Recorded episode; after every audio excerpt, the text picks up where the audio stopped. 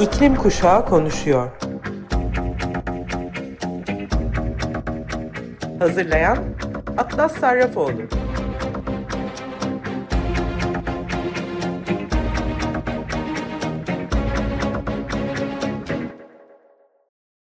Hepinize merhaba Sayın Açık Radyo dinleyicileri. İklim Kuşağı Konuşuyor programına hepiniz hoş geldiniz. Bugün iklim krizi konusunu ertelemek yeni iklim inkarcılığı mı diye sorguluyoruz. Bu yaz iklim krizinin çirkin yüzünü dünyanın dört bir yanında yaşadık. Gelecek nesiller 2021'deki iklim olaylarına dönüp bakacak ve bu yılı bahanelerin tükendiği yıl olarak hatırlayacaklar. Türkiye'de sıcak hava dalgaları, orman yangınları ve seller, Pakistan'da 50 dereceyi aşan sıcaklıklar, Kanada'da da bir sıcak hava dalgasında yüzlerce kişi öldü. Almanya, Belçika, İspanya ve Çin'de ölümcül sel baskınları yaşandı. Hepsi bir ay içinde. The Guardian'dan Ed Miliband şöyle demiş. Bu artık bir uyandırma çağrısının ötesinde ve biliyoruz ki iklim çöküşü zaten burada. Aynı zamanda bu Z jenerasyonunu etkileyecek. Bu kriz çağında benzersiz bir konumda olduğumuzu gösteriyor. İklim çöküşü artık yalnızca gelecekte bir tehdit olmaktan uzak ve inkar edilemez. Ve ne yazık ki çok yakında bundan kaçmak geçmişte kaybedilen bir lüks olabilir. Felaketten korunma penceresi her geçen gün kapanıyor. Bu mücadelede belirleyici 10 yıldayız ve iklim krizini aciliyeti ve gelecek nesiller üzerine bıraktığı gölgelerin birleşiminde tek duran bir sorun olarak ele almalıyız. Yaptığımız eylemler siyasi döngülerin normal ritmine meydan okuyor. Önümüzdeki birkaç yıl içinde yaptıklarımızın gelecek yüzyıllarda bir etkisi olacak. Dünya bu 10 yılda emisyonları yarıya indirmezse 2015 Paris Anlaşması'nda belirlenen 1,5 dereceden önemli ölçüde daha fazla ısınmayı önleme şansını muhtemelen kaybedeceğiz. Sadece 1,2 derece ısınan bir dünyanın yıkıcı etkilerini görüyoruz. 2,5 veya 3 dereceye ulaşırsak ne olur? O zamana kadar son yazlara şimdiye kadar yaşadığımız en sıcak değil büyük olasılıkla bir daha yaşayacağımız en serin yaz olarak bakacağız. Buna eşlik eden gerçek şu ki en büyük dünyamızın artık iklim inkarı değil iklim geciktirmek. Değişimin en tehlikeli karşıtları artık eylem ihtiyacını reddeden küçülen azınlıklar değil. Bilimin talep ettiği hızda hareket etmeyi reddeden değişimin sözde destekçileridir. Çevreci ve iklim uzmanı Bill McKibben'ın iklim üzerine dediği gibi yavaş kazanmak kaybetmekle aynı şeydir. Hiçbir şey eylemsizlik gerçeğini örten eylem illüzyonundan daha tehlikeli değildir.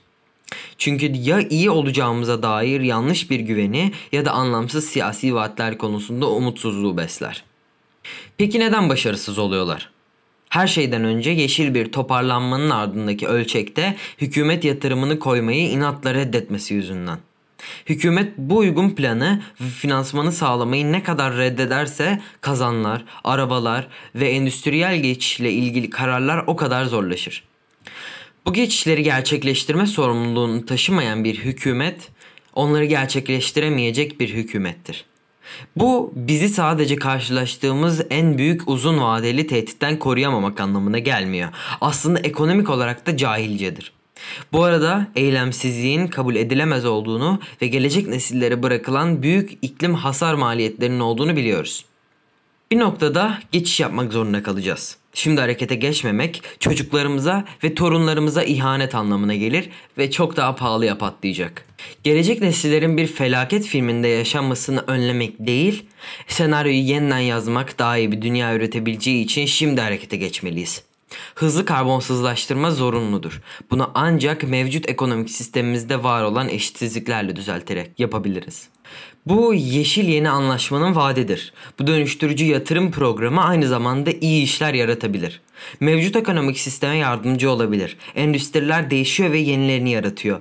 Daha sıcak evler, daha temiz hava ve ülkemizde zenginlik ve güçte kalıcı bir değişim sağlıyor. Uğruna savaşmamız gereken vizyon bu. 50 yıldan biraz daha uzun bir süre önce Martin Luther King ırksal ve ekonomik adalet için verilen mücadele hakkında şunları söyledi. Artık yarının bugün olduğu gerçeğiyle karşı karşıyayız. Şimdiki şiddetli aciliyetle karşı karşıyayız. Yaşamın ve tarihin gelişen açmazında çok geç kalmak diye bir şey var. Bu iklim acil durumunun neden ve sonuçlarını göğüsleyen nesil olarak bu sözleri dikkate almalıyız. Independent gazetesi yazarları Capstick ve Steinberger aynı konuyla ilgili yazmışlar.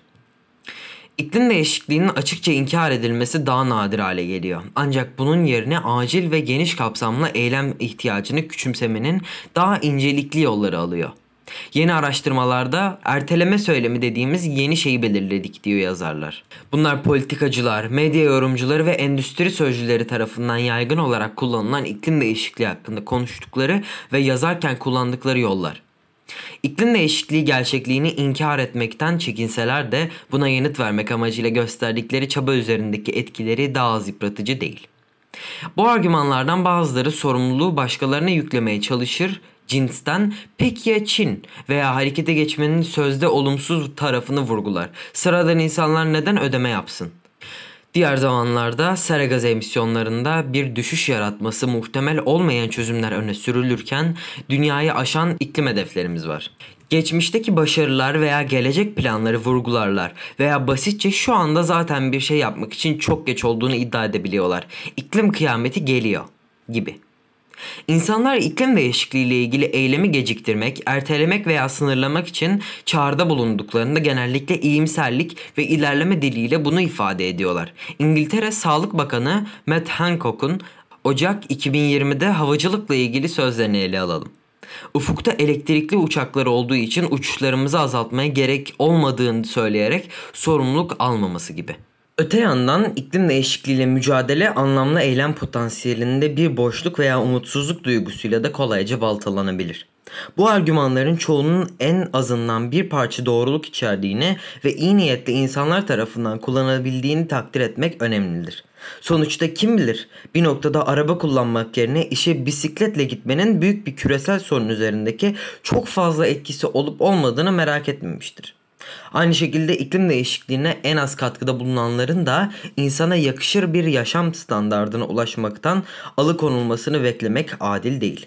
İklim politikalarının daha geniş etkileriyle ilgili gerçek kaygılar yalnızca karşılaştığımız sorunların boyutunu küçümsemek veya sera gazı emisyonlarında acil ve radikal kesintilere duyulan ihtiyacı gizlemek için kullanıldıklarında gecikme argümanları haline gelir. En yaygın gecikme argümanlarını tanımlayarak iklim kriziyle mücadele yolunda ortaya çıkan engelleri de daha iyi anlayabiliriz. Bunlar kamuoyu üzerinde önemli etkiler yaratan iklim değişikliği tanımlamak için kullanılan daha geniş bir hikaye dizisinin parçasıdır. Bu argümanların daha net bir şekilde anlaşılması bizi onlarla ilgilenmeye ve bunlara daha iyi yanıtlar bulmaya da zorlar. Örneğin iklim değişikliği ile ilgili eylemi kirletmeye devam etmeye kararlı bir ülkenin emisyonlarını azaltan diğerlerinin iyi niyetlerinden yararlanabileceğini bir durum olarak görmek uygun.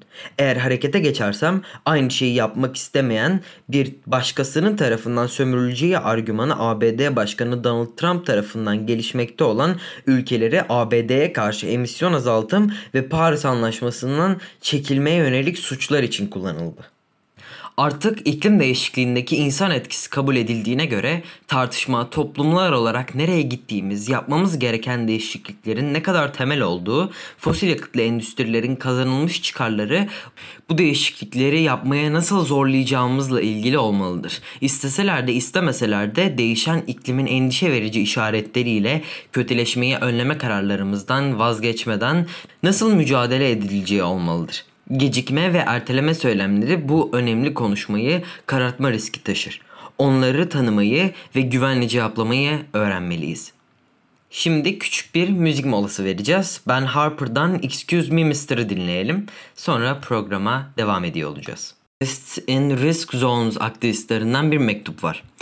Afganistan'daki Taliban rejiminin baskısı ile iklim aktivistlerinin hayati tehlike ile karşı karşıya olduğunu söyleyen tahliyeleri için bir dayanışma çağrısı niteliğinde bu mektubu okumak istiyorum. Mektup 31 Ağustos tarihli. Risk altındaki bireyler listemiz. Afganistan'da kalan ve Taliban karşısında zulümle karşı karşıya olan 500'den fazla bireyi barındırmaktadır. Bunların yaklaşık 80'i Fridays for Future aktivistleri ve yakın ailelerinden oluşuyor. Listenin devamı ise diğer savunmasız grupları ve bireyleri içermektedir. İklim aktivistlerimizin acilen Afganistan'dan tahliye edilmeleri gerekiyor. Sadece iklim ve doğa savunucuları oldukları için hayatları tehlike altında. Onlara bir çözüm bulmak için FFF risk bölgelerindeki aktivistler grubu olarak yardıma ihtiyacımız var. FFF arz ekibi yardım çağrılarımıza yanıt veren Luftbrück ile aktif temas halindeler. 14 genç iklim aktivizmimiz için tahliye olanağı sağlamayı başardılar. Kabil Havalimanı'nda meydana gelen patlamalar nedeniyle planlar başlangıçta iptal edildi. Ancak Luftbrück bu hafta sonu ikinci bir deneme için hızla bir araya geldi. 10 aktivizmimizin Afganistan'dan çıkıp Almanya'ya ulaşmalarını beklediklerini doğrulayabiliriz. 4 genç aktivizimiz son Taliban kontrol noktasından güvenli şekilde geçişleri reddedildi. Ve Luftbrück grubundan ayrıldılar. Arz grubu olarak pazar günü boyunca onlarla doğrudan iletişim halindeyken onlar için de en güvenli seçeneğe yönelmelerini bekledik. Yıkılmış, korkmuş ve bitkin bir durumdalar. Şu andan itibaren evdeler ve bu süreçte en iyi nasıl güvende kalacakları konusunda yerel tavsiyelere uyuyorlar. Kalbimiz kırık. Onları güvenli bir şekilde çıkarmak için mümkün olan her şekilde takip etmeyi devam ediyoruz. E, Fridays for Future'ın yeniden yerleştirme operasyonlarında deneyimi yok. Şu anda yeniden yerleştirme üzerine çalışan ve deneyime sahip olan kişilerle ya da kuruluşlar, kuruluşlarla bağlı değil. E, biz sadece Afganistan'daki genç iklim aktivistlerine yardım etmek istiyoruz. Destek isteyen diğer kişilerin Birleşmiş Milletler Mülteci Ajansı ile ilgili yönergelere uymalarını ve bize doğrudan e-posta göndermelerini rica ediyoruz. Arz ekibi 500'den fazla kişinin sorumluluğunu üstlenebilecek umuduyla belirlenen devlet yetkilileri ve diğer insani yardım STK'ları ile bağlantı kurmaya çalışıyor. Medyadan ihtiyacımız olan yardım ve duyuruyu sağlamak için bunu haber kanallarında ve resmi sosyal medya platformlarında paylaşmalarını istiyoruz. Destekçilerimizden ülke etkilerine ulaşmalarını ve bir çözümle bizimle iletişime geçmelerini talep ediyoruz. Bu kitle fonlayıcısının organizatörlerinin Raven Advisory e-postalarımıza yanıt vermelerini talep ediyoruz. 500'den fazla listemizi devralmak için sizinle bağlantı kurmaktan başka çaremiz yok. Müttefik STK'larımızdan ricamızı dinlemelerini ve ellerinden gelen her türlü destekle karşılık vermelerini rica ediyoruz. İnsan gücü geçici görevlendirme, ağ oluşturma gibi. Önceliklerimizi sürdürürken diğer tüm arkadaşlarımızla ve vatandaşlarımızdan mahsur kalan 4 kişinin güvenli bir yere ulaşmasına yardımcı olmak ve diğer 10 kişiyi yeni bir ülkeye yerleştirmenin neden olduğu ilgili ücret ve masrafları karşılamak için arz ekibine ve çalışmalarımızı finanse etmemize yardımcı olmanızı istiyoruz. Kitle fonlayıcısı linkine crowdfunder.co .uk üzerinden FFF Afganistan'dan yazarak ulaşabilirsiniz. Konuyla ilgili aktivistlerin de yorumlarından bazılarını size iletmek istiyorum. FFF Digital'da aktif olarak çalışan 16 yaşındaki Amerika lise öğrencisi Grace Young, genç iklim aktivistlerine son derece tehlikeli bir durumdan çıkarmak için çalışılan çoğunluk olarak bizler çocuklarız. Bu durum hükümetlerimizin ne kadar beceriksiz olduğunu gösteriyor. Bu işi onların yapıyor olmaları gerekmiyor muydu diyor. Fridays for Future Almanya'dan 17 yaşındaki Hasan. İklim adaleti için kendimiz bir şeyler yapmak zorunda olmamız ve hükümetlerin umursamamış olması çok şok ediciydi. Artık kendimiz insan haklarını savunmak zorunda olmamız ve hükümetlerin Afganistan'daki durumla ilgilenmemesi şok edici. Durum gittikçe kötüleşti. Bu yüzden işleri kendi elimize almaya karar verdik ve risk alanlarındaki aktivistler için bir kulüp oluşturduk. İnsanlara yardım edebilmeyi umuyoruz. 18 yaşındaki üniversite öğrencisi Fridays for Future Amerika'dan Frank de şöyle diyor. Buradaki durum zaman zaman gergin ve öngörülemez olabiliyor. Yine de şu anda mümkün olduğunca çok çalışıyoruz ve bu eşi görülmemiş zamanlarda elimizden gelenin en iyisini yapıyoruz diyor. Almanya'da yaşayan İran kökenli 19 yaşındaki Ali şöyle anlatıyor durumu. Bu inanılmaz insanlar çocuklarımız ve gelecek nesiller için yaşanılabilir bir gezegeni savunmak için yıllardır hayatlarını riske atmaktadır. Şimdi hayatları daha büyük bir risk altında Afganistan'dan güvenli bir çıkış yolu bulmaları için elimizden geleni yapmak bizim görevimiz. Biz değilse kim ve şimdi değilse ne zaman? Birlikte dağları hareket ettirebiliriz. Bu konuyla ilgili Youth for Climate Türkiye hesaplarımızda da detaylı bilgiye ulaşabilirsiniz. Şimdi küçük bir müzik arası verelim. Counting Crows'dan Big Yellow Taxi'yi dinleyelim. Süremiz az kaldı ancak her hafta olduğu gibi Marmara'daki müsilaj sorununa yeniden değinmek istiyorum ve tabii ki yetkililere de sorularımı tekrarlayacağım. Özellikle 1 Eylül'de av yasağının kalkmasıyla birlikte Karadeniz, Marmara ve Ege'de aylar sonra ağlar balıkla doldu. Peki Marmara'da yaşanan kabus bitti mi? Acil eylem planı ne kadar başarılı oldu? Bu konuda inandırıcı ve net bir açıklama duyamadık henüz. O zaman sorularımı tekrarlıyorum. Acaba Marmara'yı bundan sonra kirlenmeden korumak için neler yapılacak? Derin deniz deşarjı durduruldu mu? Sanayi acaba atıklarını denize dökmeye devam ediyor mu? Ekokırım bir gün suç olarak kabul edilecek mi? 2 Temmuz'da Ergene Nehri'ndeki kirliliğin araştırılması önergesi neden reddedildi? Bunların cevabını alana kadar sormaya devam edeceğim. Cevapları alabilirsem eğer sizlerle de paylaşacağım. Evet, bir iklim kuşağı konuşuyor programının daha sonuna geldik. Haftaya cuma saat yine 2'de görüşmek üzere.